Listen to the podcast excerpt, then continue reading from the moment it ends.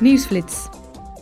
Deze week bezoekt een delegatie van de Commissie Buitenlandse Zaken Chili en Brazilië om te zien hoe er kwalitatieve vooruitgang kan worden geboekt in het strategisch partnerschap tussen de EU en Latijns-Amerika.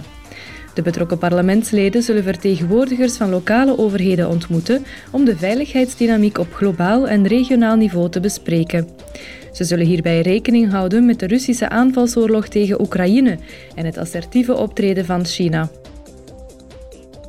Tijdens de laatste zitting in Straatsburg heeft het parlement een voorstel goedgekeurd over het aantal zetels in het parlement.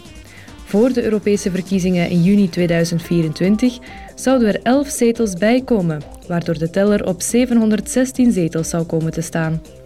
Nu zullen de regeringsleiders en staatshoofden van de EU-landen zich in de Europese Raad over het voorstel buigen. Als ze het unaniem eens worden, dan zal het nog eens ter goedkeuring aan het parlement worden voorgelegd.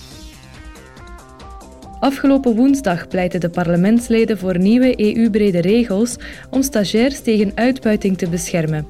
Volgens het parlement moet er een nieuwe richtlijn komen om minimumkwaliteitsnormen voor stages vast te stellen, met daarin regels over stageduur, vergoedingen en toegang tot sociale bescherming.